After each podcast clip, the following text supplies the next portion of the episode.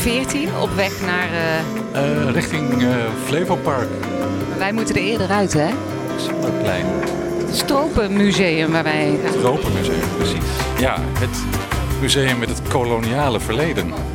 De nieuwe podcastserie van het netwerk Digitaal Erfgoed duikt in de wonderenwereld van digitalisering van ons erfgoed. Netwerkredacteur Ronald Tenijs en ik, Kirsten Paulus, reizen door heel Nederland op zoek naar mensen uit het netwerk. Precies, erfgoedprofessionals. En dan vooral diegenen met inspirerende verhalen over digitaal erfgoed. In twaalf afleveringen hoor je hun successen, hun missers, maar ook hun dromen. Ah ja, want het heet nu uh, Ronald, Nationaal Museum van Wereldcultuur, hè? Ja, precies. Daar vallen dan vier verschillende musea onder. En we gaan dan op bezoek bij Cindy Zalm. Zij is uh, hoofdrealisatie.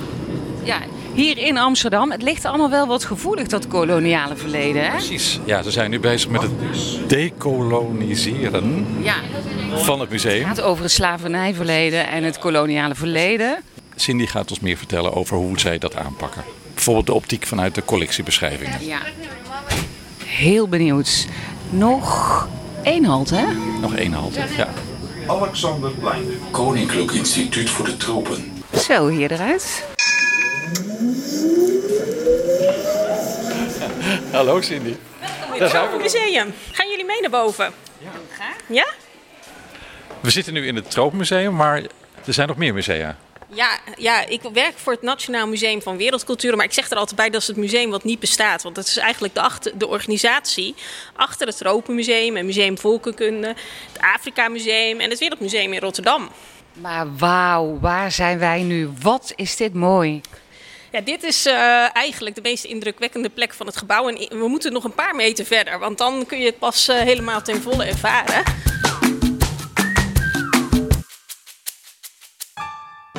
Hoektoren is eigenlijk de eerste zaal waar je binnenkomt zodra je voorbij de kassa bent. En in deze zaal hebben we geprobeerd te vertellen wat de geschiedenis is achter onze collectie. Want die collecties zijn bij elkaar gebracht in die verschillende steden in Nederland. Als onderdeel van verzamelen in de koloniën. En die zijn heel erg bepaald door onze wens om te kijken hoe dat aan de andere kant van de wereld eraan toe ging. En hoe dat zat met die mensen daar. Dus helemaal niet op een gelijkwaardige basis. Uh, maar echt vanuit Europees superioriteitsdenken. En dat is het verhaal wat we hier proberen te vertellen. Dus hoe zit die collectie in elkaar? Waar komen die objecten allemaal vandaan? Moeten we ze teruggeven? Ook zo'n vraag die natuurlijk uh, hot topic is op dit moment. Ja, want achter je, wat ligt er achter je? Een masker ligt er achter je? Ja, dit is een masker wat is bewerkt. En um, dat is, uh, dit is eigenlijk geen masker, het is echt een schedel. Oh. Dus dit uh, object is voor ons het vertrekpunt om uit te leggen dat, er, uh, dat we vroeger heel anders dachten over het tonen van menselijke resten in musea. En dat ons beeld daar nu behoorlijk uh, is bijgesteld. Eigenlijk doen we dat niet meer. Best wel confronterend, hè, dit? Ik vind het niet echt smakelijk om te zien. Nee. Ik zie daar ook nog, want het is niet alleen een masker, maar het is ook nog.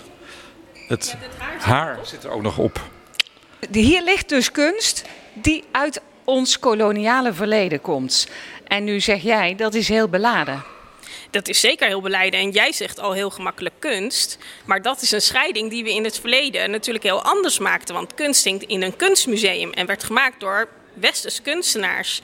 En al die objecten die je in onze collectie zag, dat waren gebruiksvoorwerpen. Dus een stoel in het stedelijk is design. En het stoel in het Tropenmuseum was een gebruiksvoorwerp. Dus ja, hoe gaan we daar nu uh, mee om? En uh, is die manier van sorteren en kijken naar zo'n collectie... is die eigenlijk nog wel uh, gepast vandaag de dag? Of moeten we daar een andere invulling in gaan geven?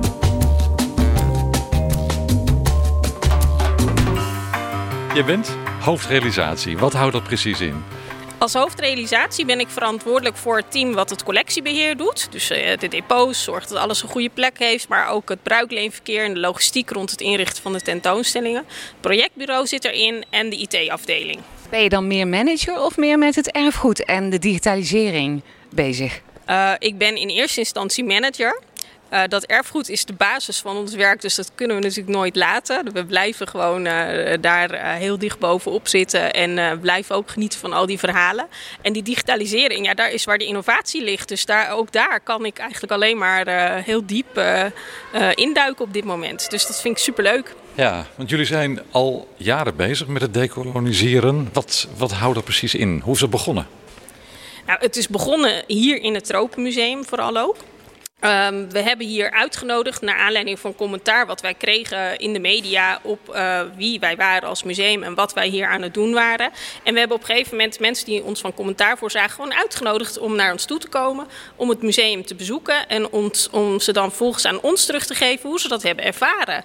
En waar zij dan uh, uh, hun bedenkingen bij hebben. En dat was een heel leerzaam traject. Er was natuurlijk heel veel commentaar op de tekstbordjes en op de taalgebruik met name die we daar gebruikten. Want dat was was vanuit dat westerse perspectief geschreven. Bijvoorbeeld? Het woord neger vinden we vandaag dat je dat niet meer kan gebruiken. Maar er waren best nog wel tekstbordjes waar dat uh, gewoon gebruikt werd. Dus dat moesten we herzien. Dat was een hele simpele. Die snapten we zelf ook heel snel.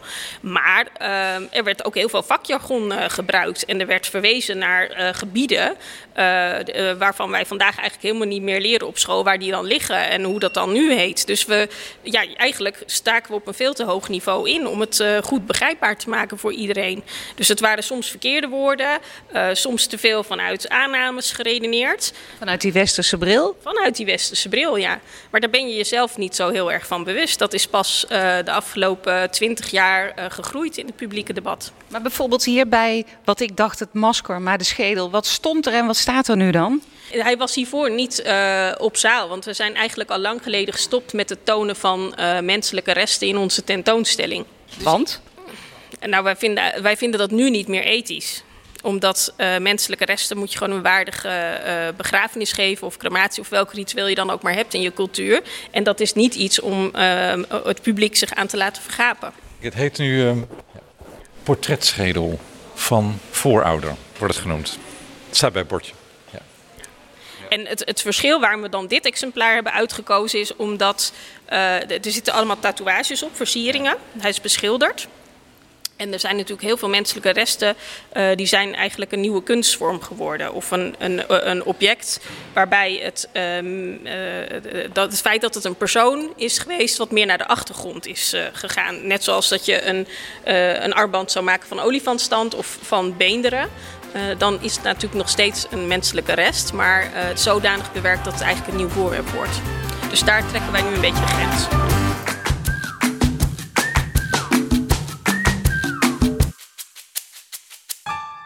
Jullie gaan alles wat hier staat nu allemaal teruggeven?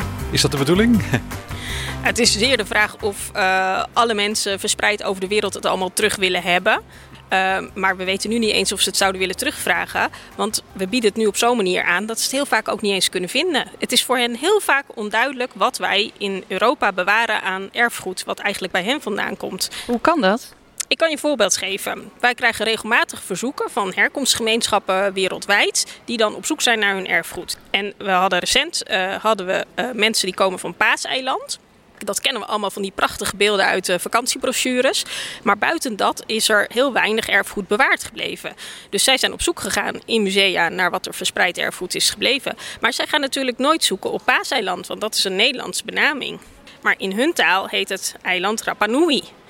En uh, het behoort tot Chili en daar noemen ze het Easter Island, zoals ze dat ook in Engeland doen. Dus hoe ga je nu zorgen dat dat erfgoed weer vindbaar is? En hoe doe je dat dan? Wij hebben het geprobeerd op te lossen met onze thesaurus. Dus wij knopen al die termen in de thesaurus aan elkaar vast. En wij zeggen in die woordenlijst: Paaseiland is hetzelfde eiland als Easter-eiland en Rapa Nui. Dus het maakt dan niet meer uit op welke term je zoekt. Je vindt altijd dezelfde objecten. Uiteindelijk hou je misschien hier niks meer over. Kun je sluiten? Ik, uh, er zijn heel veel herkomstgemeenschappen die ontzettend trots zijn dat hun erfgoed uh, uh, in Europa te zien is. Dus ik, volgens mij moet je daar het gesprek over gaan hebben met ze. Het is, het is niet per definitie zo dat, dat ze altijd alles maar terug willen.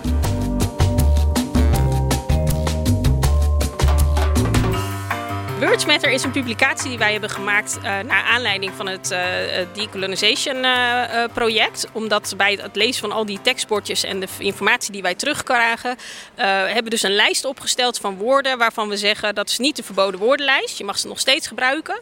Maar als je ze wil gebruiken, bedenk dan waar ze vandaan komen en wat gemeenschappen daarvan vinden dat je ze er gebruikt. Zoals, kun je voorbeelden geven? Mongool bijvoorbeeld. Dat was vroeger een aanduiding voor uh, mensen vanuit een bepaalde regio. Maar dat gebruiken wij in ons dagelijks taalgebruik heel anders. En dat kan dus ook heel kwetsend zijn.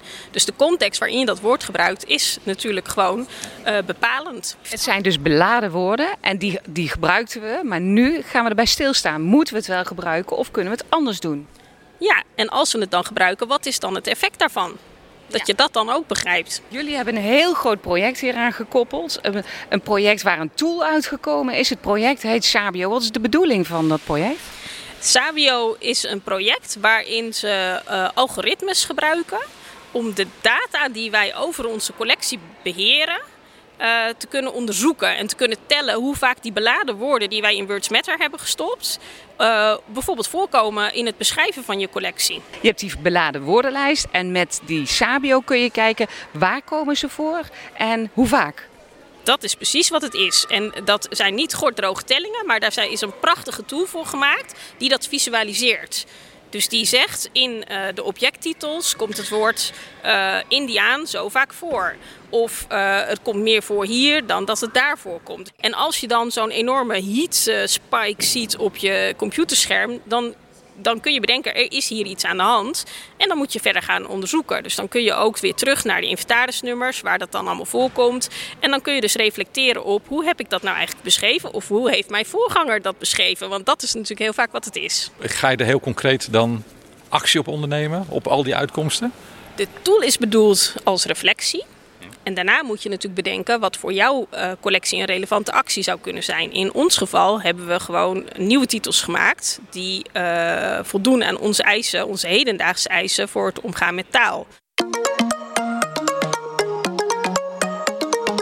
We hebben in elke aflevering een estafettevraag. En deze keer komt die van Klaartje Rasterhoff van de Universiteit Maastricht.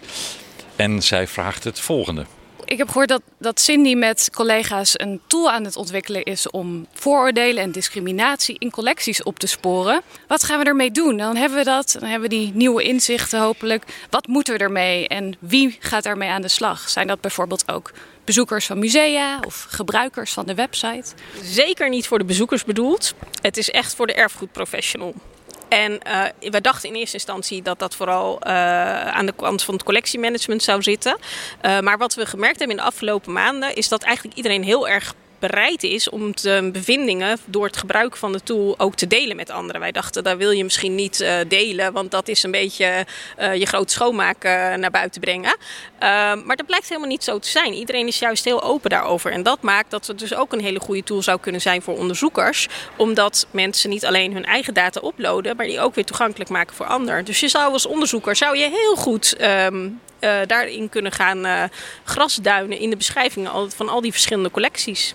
Uh, als je dat doet, wat is dan de winst voor, winst voor die onderzoeker? Nou, die kan bijvoorbeeld ook taalonderzoek doen en kijken hoe het gebruik van woorden is veranderd, bijvoorbeeld. Dat zou een mogelijke toekomstige toepassing kunnen zijn. De volgende keer zijn we te gast bij Vincent Robijn. Hij is directeur van het Historisch Centrum Overijssel. Wat wil jij hem vragen, Cindy? Beste Vincent, in de archiefwereld lopen jullie volgens mij echt voorop als het gaat om linked open data. Maar als je al die datasets hebt gepubliceerd, hoe zorgen jullie er nou voor dat makers, onderzoekers en andere gebruikers in Overijssel ook echt gebruik gaan maken van die datasets? Ik kan me voorstellen dat nu alle luisteraars denken: ik wil ook aan de slag met uh, de Sabio-tool. Of ik noem het Sabio-tool, maar wat is eigenlijk de echte benaming uh, ervan? Nou, we zijn in de afrondende fase. Dus uh, wat exact de naam van de tool wordt, dat, uh, daar zijn we nog een beetje over aan het steggelen. En ook de plek waar we genoeg rekenkracht kunnen uh, beschikbaar stellen om hem goed te kunnen gebruiken. Maar hij wordt natuurlijk onderdeel van de erfgoedkit.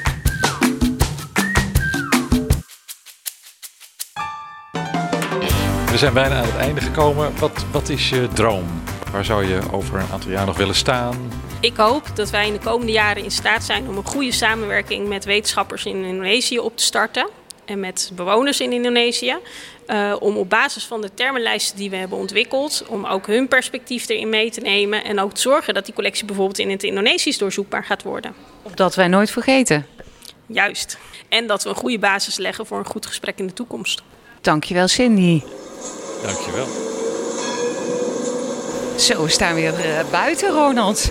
Poh. Wat, wat, een verhaal van Cindy. Uh, Maar het is geweldig om te zien hoe ver ze al zijn met het decoloniseren. Ze zijn natuurlijk al hier jaren mee bezig. Dus, ehm, dus als, als museum, als je hier net mee begint, dan is het ook. Ja, moet je ook beseffen dat het een langdurig proces is, zeg maar. eh. Maar dat omdenken, dat doen ze dus ook al in die digitalisering met dat Words, Words Matter en met eh Sabia en andere erfgoedinstellingen kunnen het ook zo gebruiken. Ja, nou dat is het mooie. Dat eh, alle, alle luisteraars, zeg maar, die nu ook aan de slag willen met het decoloniseren, in ieder geval eens willen kijken of er beladen termen in hun collectiebeschrijvingen staan. Die kunnen straks aan de slag met de Sabio-tool. Bewustwording, hè? Bewustwording, ja, gewoon met een niet-westerse blik naar je collectiebeschrijvingen kijken. Eh, volgende keer zijn we in Zwolle bij Vincent Robijn. Bij Vincent Robijn, precies. Ja, kijken wat hij te vertellen heeft. eh. Wat hij te vertellen heeft. En wij pakken die tram, hè? Ja, precies. Ja, laten we horen. Hoi. Hoi, tot de volgende. Alle podcastafleveringen van Paulus en de Nijs op reis door het digitaal erfgoed kun je terugluisteren via Spotify. Tot de volgende!